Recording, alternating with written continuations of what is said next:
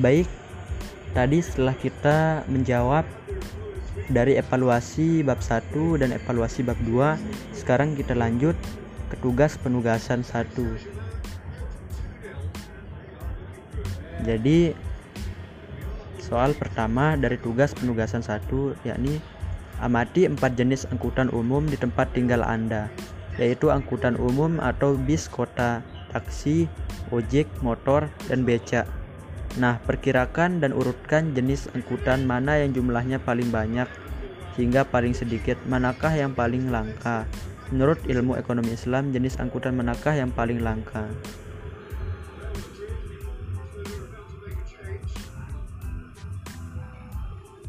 Baik, di sini saya sedikit menulis angkutan umum yang paling langka atau yang paling sedikit namanya adalah sikar kuda.